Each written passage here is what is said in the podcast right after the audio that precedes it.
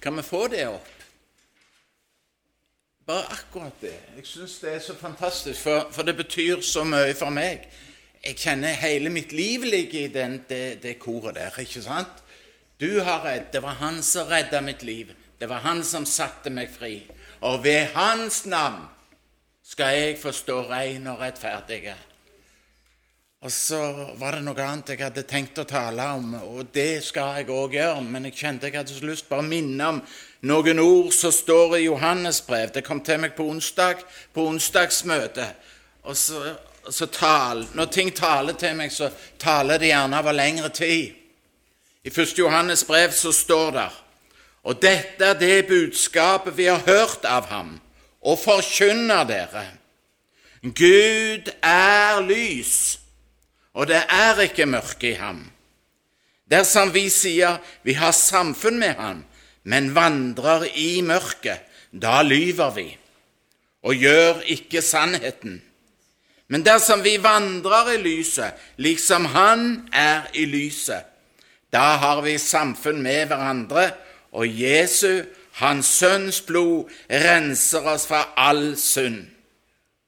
Dersom vi sier vi ikke har synd, da bedrar vi oss selv, og sannheten er ikke i oss.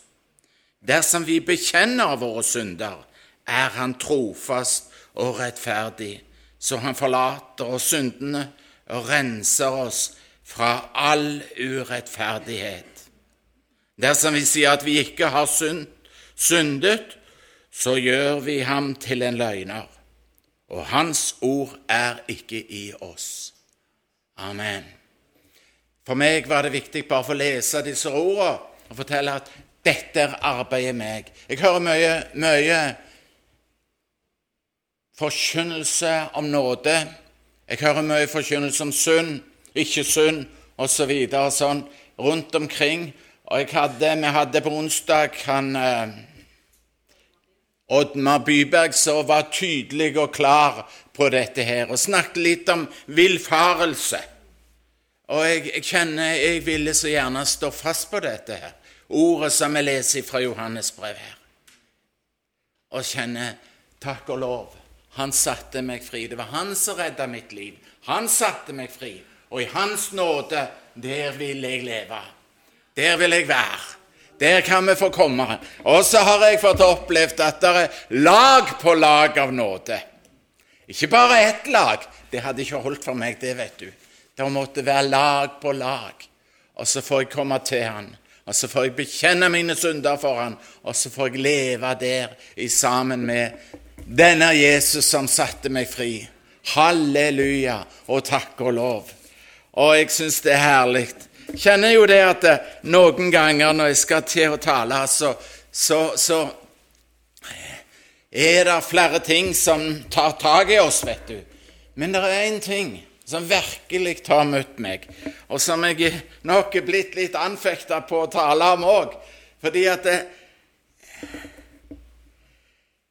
Jeg vet ikke om det berører så mange, men jeg vet det berører noen. Og jeg vet det berører én eller to, og så kjenner Gud har lagt det på hjertet mitt at jeg skal få lov til å tale til denne ene eller til de to som det måtte gjelde. Og så vet jeg at Gud han er rik på miskunn. Og så ser han til deg i din situasjon, akkurat der du er. Og så takker jeg Herren for han er så rik at han møtte meg. Jeg vet ikke om det var så mange andre han møtte den gangen jeg ble frelst, men han møtte meg. Jeg kom på Hesjestad Ann Kjersti, jeg må jo si det. meg og Anne Kjersti var på Hesjestad sammen av to forskjellige grunner. Hun var kokka, jeg var rusmisbruker. Men vi var der sammen. Og så i sin nåde og i sin rikdom så møtte han meg der oppe. På min måte. Helt spesielt inn til meg. Og så har jeg fått lov til å gå min vei i 20 år. Har fått lov til å være sammen med dere i over 10 år og kjenne at det har formet mitt liv voldsomt. Og hvis vi kunne tegnet livet vårt, så kunne vi virkelig forklart hvordan det hadde påvirka og forma. Men det er ikke dere som har påvirka meg, men Jesus i dette fellesskapet har han fått lov til å virke inn i mitt liv òg. Og så har jeg fått virke som pastor og veileder for mennesker. Og akkurat det punktet der er det kjenner jeg har så lyst til å ta fatt på.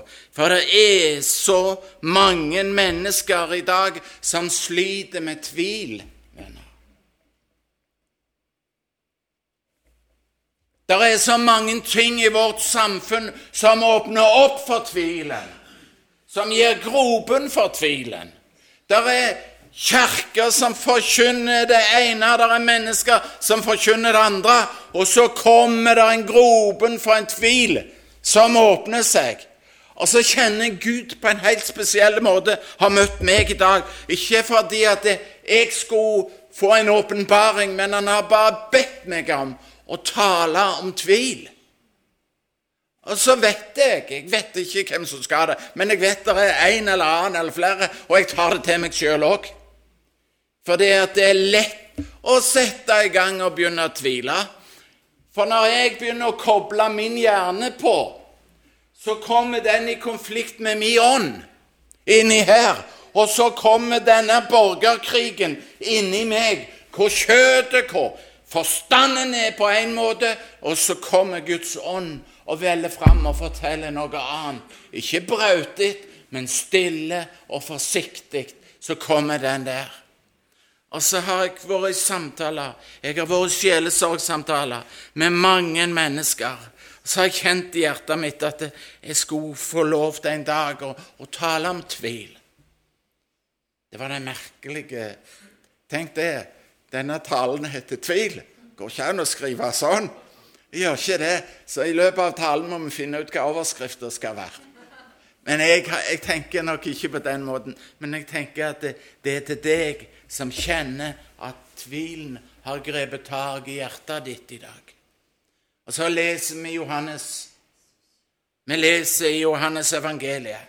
Nei, vi leser om Johannes, men vi leser i Matteus evangeliet. I det ellevte kapittelet om døperen Johannes. Og Der står noen ord der som har tatt tak i meg. I grunnen så er det bare én setning, men vi leser fra vers 2. I Jesu navn. Da nå Johannes i fengsel fikk høre om Messias' gjerninger, sendte han bud med disiplene sine og spurte han, Er du den som skal komme, eller skal vi vente en annen? Og Jesus svarte og sa til dem, Gå og fortell Johannes hva dere hører og ser. Blinde ser og lamme går omkring, spedalske blir renset, og døve hører og døde står opp, og evangeliet forkynnes for fattige. Og salig er den som ikke tar anstøt av meg. Amen. Er du den som skal komme, eller skal vi vente en annen? Det spør Johannes om. Og Johannes han sitter fanga i det jeg tror det er Markeusborg, og det heter hos Herodes. Jeg, han har ikke ei vanlig celle i disse gamle slottene. Da var det fangehold. Og de lå langt, langt unna jorda, nede i kjelleren. Det var lite luft, det var lite lys. Der var den her, hva skal jeg si, Jesus beskriver litt senere hvor det står at noen større enn døperen Johannes er ikke reist opp blant dem som er født av kvinner. Der var denne store Johannes, denne her Jeg vet ikke hva jeg skal kalle det for noe, men, men kanskje jeg skal skal kalle han kjemper. Han som var vant med de store viddene, du. Han som hadde levd der ute og nok opplevd strømmer av mennesker komme til han. Der var han blitt vingeklippa. Han var blitt satt i fengsel. Ned fra de åpne viddene, ned i dette trange, lille rommet. Eller jeg vet ikke om det er rommet engang. Denne fengselscella langt under jorda. Jeg ser det for meg, for jeg har noen ganger sett på disse fengselscellene. I Danmark var det et slott, og det var fangehullet. Det, det, var ikke sånn du kunne stå oppreist, du måtte sitte bøyd. Det var mørkt, langt unna borger. Og jeg tenker i den tid så så borgerne sånn ut. De hadde sånn en celler. der var Johannes. Og så tenker jeg at han begynte å gruble. Så tenker jeg at han begynte å grunne litt på livet sitt. Ikke sant?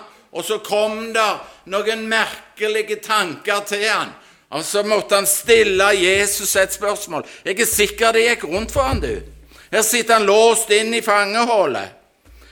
Å, jeg er sikker på han tenkte både på livet og skjebnen. Og så er det akkurat som han, han verken er klar over seg sjøl eller er klar over mesteren som han har møtt. Det, det går rundt for han. Han begynner rett og slett å tvile. Johannes, er du med på det? Jeg ser det for meg, og jeg fikk liksom dette med meg. Og så tenker jeg ja, Det er mange som jeg har hørt det, hvordan sagt til meg Hvordan kunne Johannes tvile? Og det tenker jeg òg på. Hvordan i alle dager kunne Johannes stille Jesus dette spørsmålet? Er det han som skal komme, eller skal vi vente en annen? Johannes, du, som er kraft hadde pekt på Jesus og sagt Se der Guds lam, som bærer verdens synd. Det var Johannes. ikke sant? Han som hadde hørt røsten fra himmelen. Han som har sagt 'jeg er ikke verdig til å knytte skoene på den mann'. Og så begynner han å tvile. Å, jeg ser det. Johannes, du, som Han hadde nesten noe umenneskelig over seg. Jeg ser, Han var jo glad, han, når folket gikk ifra han. Han som var vant med de store flokkene. Han ble glad når han så folket vendte seg om og gikk til Jesus. Han ble ikke misunnelig når flokken forsvant for at, skulle, for at de gikk og fulgte Jesus. Han ble glad. Og så ser han der, tvilende. Hvordan kunne han tvile, tenkte jeg. Men så kjente jeg jo det at Johannes, du, han var jo helt lik deg og meg. Han var et menneske. Han var et menneske med kjøtt og blod, Johannes, som noen andre. Selv om Jesus sier det, han er den største som er oppreist blant dem som er født av kvinner, sa han. Og du og meg, vi må ikke glemme at Johannes var et menneske. Et menneske som ikke kunne gjøre noe utenfra Gud. Alt det Johannes gjorde, var av nåde. Og sånn er det med deg og meg òg. Alt av nåde. Alt er av nåde. Og så skal vi få lov til å takke Herren for det. Å, venner, så ser jeg han Johannes her. Og det er nok derfor jeg kjenner jeg skal få lov til å på en måte bare få bruke dette denne formiddagsstunden her. Han som rydda vei for Herren i ørkenen. Og denne mannen begynner det å mørkne for nå. Han ser ikke Guds vei der han sitter inni dette fangehullet. Han er ikke lenger sikker på om Messias er kommet. Og jeg tror jammen meg dette har hendt med andre òg, ikke sant? I tro har de gitt sitt liv til Frelseren. I tro, virkelig i tro, og de har frimodig, kanskje gjennom et langt liv, fått lov til å bekjenne Jesus som Herre i sitt liv, gjort Jesus kjent for andre. Og så sitter de Det tok meg før jeg møtte en godt voksen person. Så sitter de etter et langt liv, gjerne motløse, og så har tvilen funnet vei inn til hjertet. Venner, jeg kjenner har så utrolige trang og utrolige lyst til å bare få tale til deg i dag om at Jesus, han døde for deg, og du er tegna i hendene til Herren. Han har kalt deg med navn. Du er utvalgt av Han. Men jeg vet det er så mange som har opplevd det, at tvilen har kommet. Den er blitt herlig løst og frelst. Og venner, det er noen som sier det at vi ikke kan få tvil når vi er herlig løst og frelst. Men hvis vi taler sånn, så kjenner vi ikke oss sjøl. Da er vi ikke der at vi, vi vet hva vi er for noe. Nei, da har vi verken fått syn for Guds nåde eller denne verdens hersker. For det er to makter. Sjøl inni meg er det det med min, mitt kjøtt og min ånd. Kjenner det at det er en kamp og en strid. Og sånn er det òg i denne verden, selv om vi er herlig løst og fri. For det å være frelst, venner, det å være kristen, det er ikke det samme som å komme inn i en åndelig hermetikkboks. Er det vel? En hermetikkboks liksom som lukker av for alt, hvor det ikke kommer noe vondt til i det hele tatt. Nei, å være frelst, det å være født på ny, det er som det fødes et nytt liv i et synderhjerte. Og så er det det livet som vokser fram. Venner, jeg kjenner det herlig å få lov til å si det. Og det livet som fødes på ny, det livet som fødes av Gud, det er i fare så lenge vi mennesker befinner oss i denne verden. En dag så skal vi hjem, og så er målet for reise vår nådd. Og så, vi, så kommer vi over floden, og så skal vi glede oss og vente på halleluja, der er noe for meg. Og så er det så forunderlig at det er Gud som leder meg på denne ferden. Det er Han som har tatt hånd av meg. Og noen ganger du, så leder Han meg gjennom prøvelser. Kanskje det er fordi at jeg ikke skal ligge igjen der bundet fast i tradisjonskristendom. Eller kanskje det er fordi at jeg ikke skal få for sjølgode tanker om meg sjøl. Eller vokse vekk ifra Guds nåde. Venner, jeg tror vi må si Jeg må iallfall være så ærlig og si at det, å være en ærlig kristen og ikke møte tvil, det tror jeg mest er en umulighet. For der troen er, der er òg tvilen. Der troen er, der er tvilen, mine venner. Og så skal vi bare kjenne det at vi trenger ikke å, leve i tvil. Vi kan kjempe med tvilen, men vi har vunnet seier. Halleluja. Vi som Guds folk må ikke tro at livet i Gud automatisk blir vekke fordi om tvilen kommer. Det kan skje at gudslivet vårt forsvinner når tvilen kommer til, men det trenger ikke være sånn. Å bli frista av tvil er ikke det samme som å leve i tvil. Følger dere meg i dag? Ja, det gjør jo ikke folk, bare du følger meg, du som skal høre dette her. Så tenker jeg at det er godt nok. Vi trenger ikke å ligge død. Vi trenger ikke å miste vårt gudsliv fordi vi begynner å tale. Er du med meg på? Jeg kjenner det er viktig å få sagt det. Vi som Guds barn, vi møter fiender i denne verden. I alle fall tror jeg vi må si det at ikke minst vi som står fram og forkynner ordet, eller leder møter, eller står i ledelsen på en eller annen måte, vil kjenne på kampen, vil kjenne på at det er en stridighet, vil kjenne på det. Men halleluja, vi er på den seirende sida. Halleluja. Jeg vet ikke hvordan det er med deg, om du husker den gangen. Når du sto fram og pekte på Jesus for folk. Du hadde virkelig møtt Jesus. ikke sant? Du var blitt frelst, du var fulgt med Hans ånd. Du hadde fått kraft, og du hadde fått en sånn himmelsk fred i hjertet ditt. Du sto fram og vitna og sa at du var født på ny, du var blitt et nytt menneske. Og du berørte andre folk. Andre folk virkelig fant det du òg hadde funnet. Men så kom kampen. Og så kom det vanskelige i livet ditt. Det slo litt om. En annen ble kanskje brukt mer enn det du ble. I stedet for ros så begynte du å få kritikk. De som priste Gud for deg, de var vekke.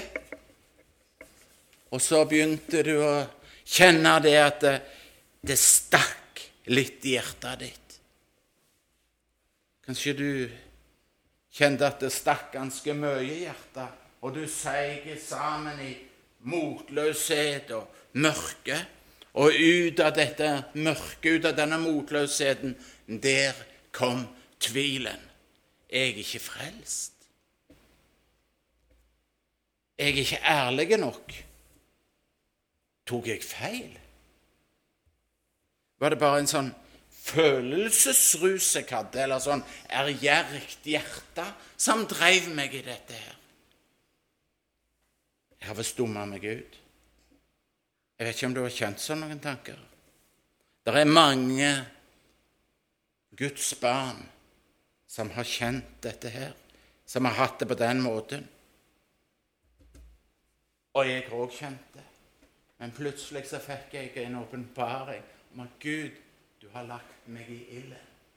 I herdningsilden. Venner, Gud legger oss noen ganger der, i herdningsilden, for at vi skal herdes og renses. Gullet skal renses, venner. Og han vil føre oss bort ifra dette mørket.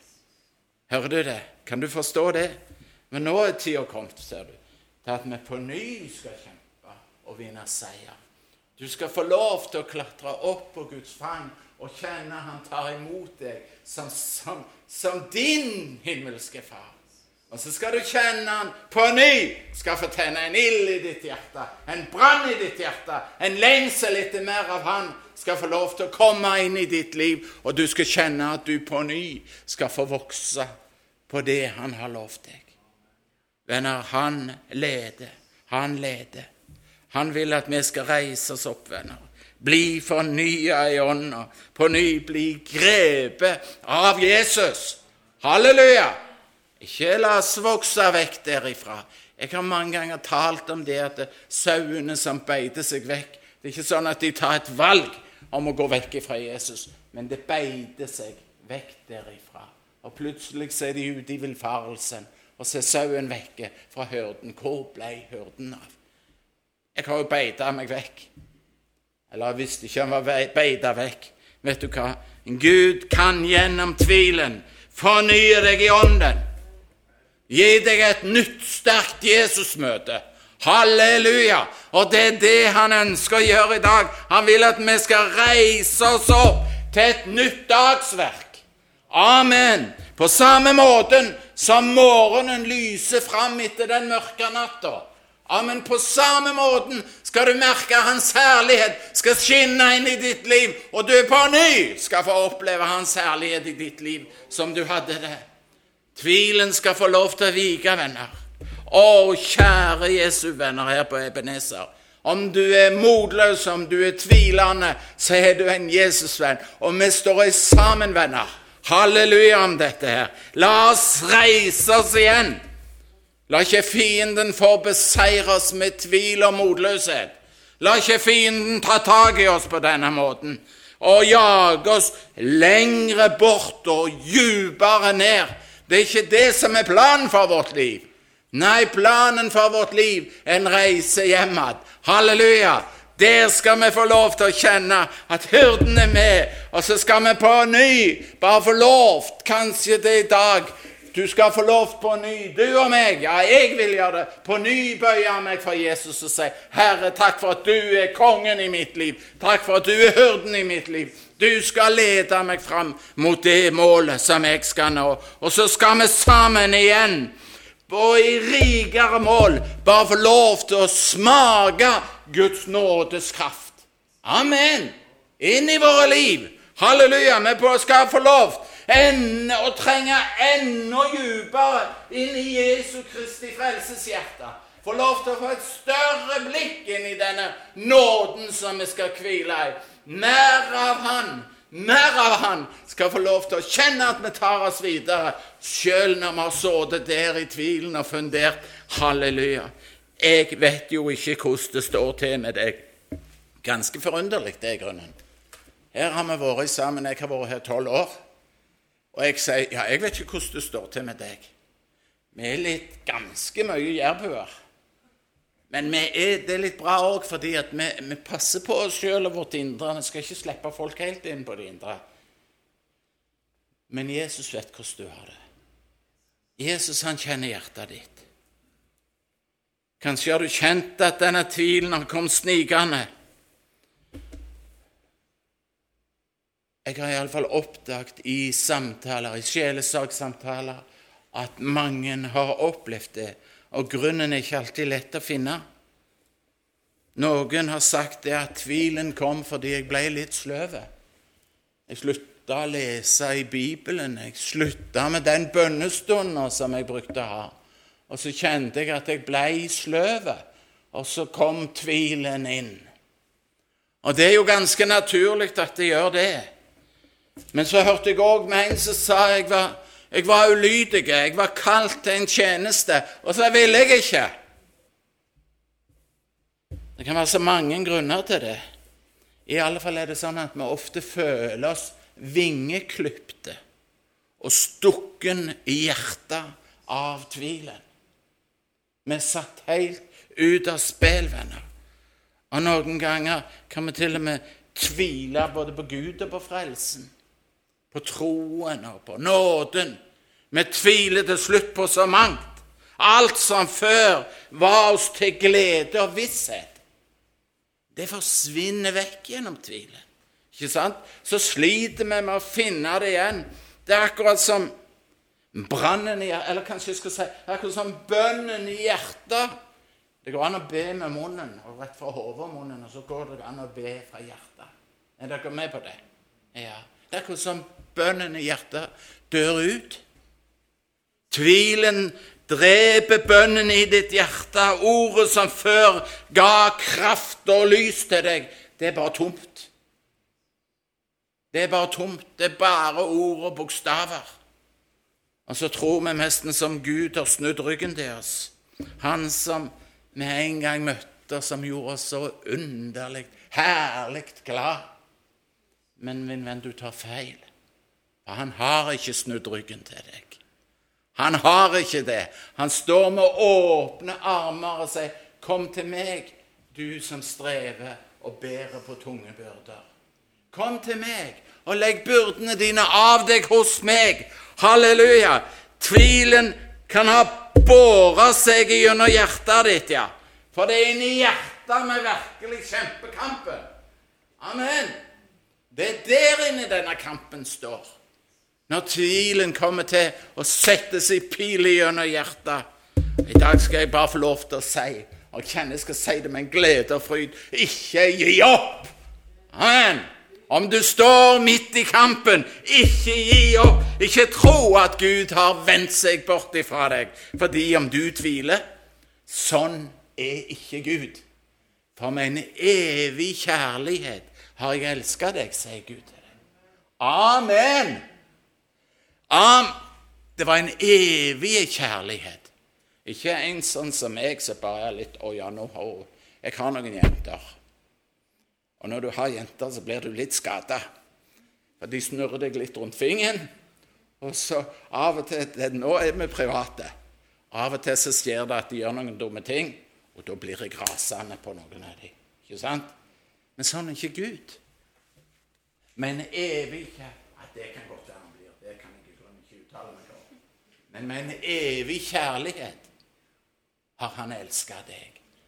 Å, jeg kjenner det. Med en evig kjærlighet har han elska meg. Han har gitt meg barnekåret. Halleluja.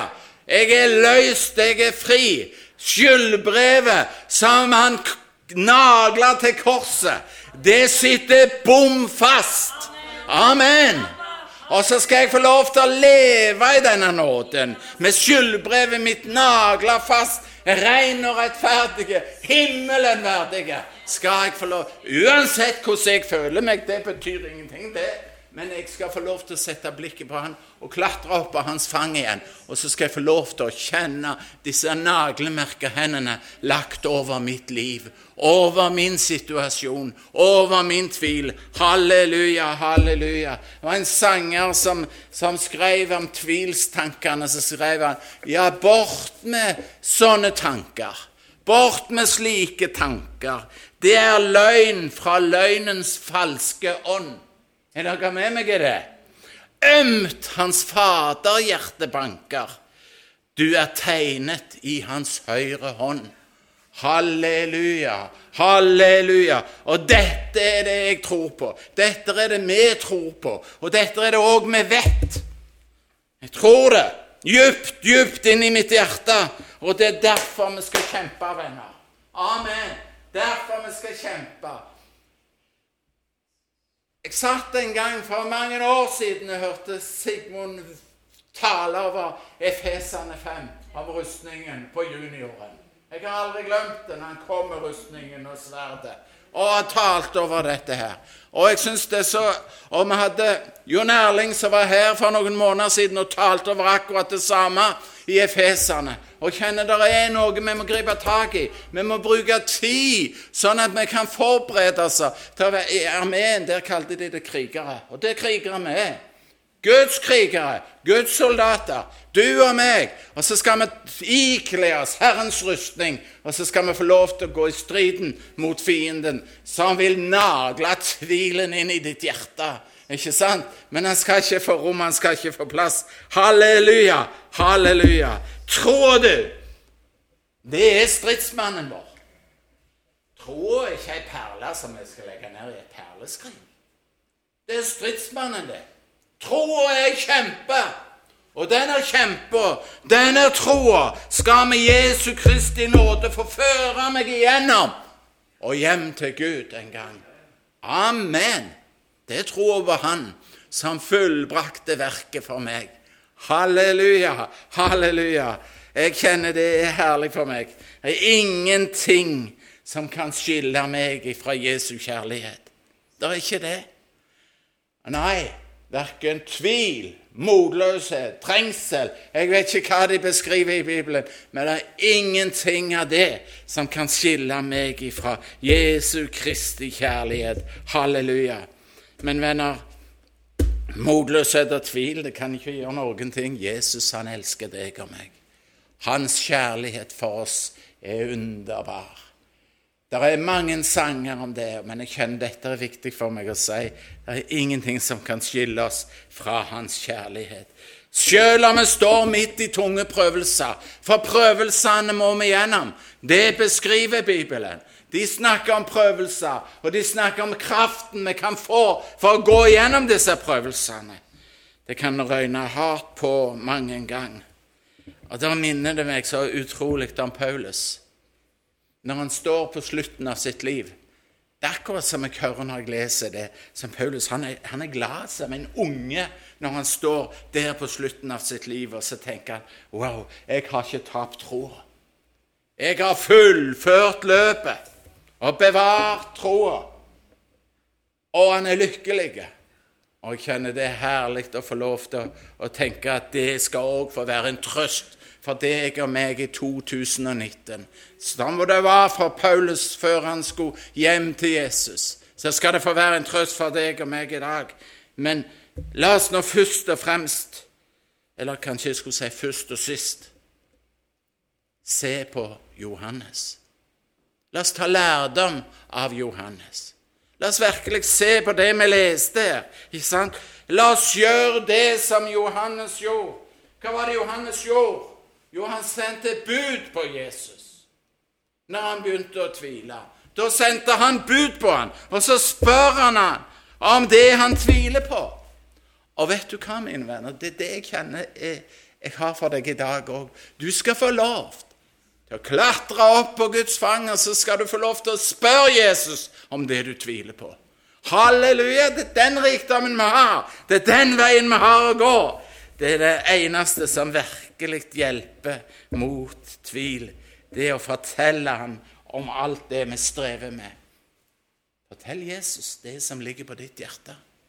Amen. Som et barn.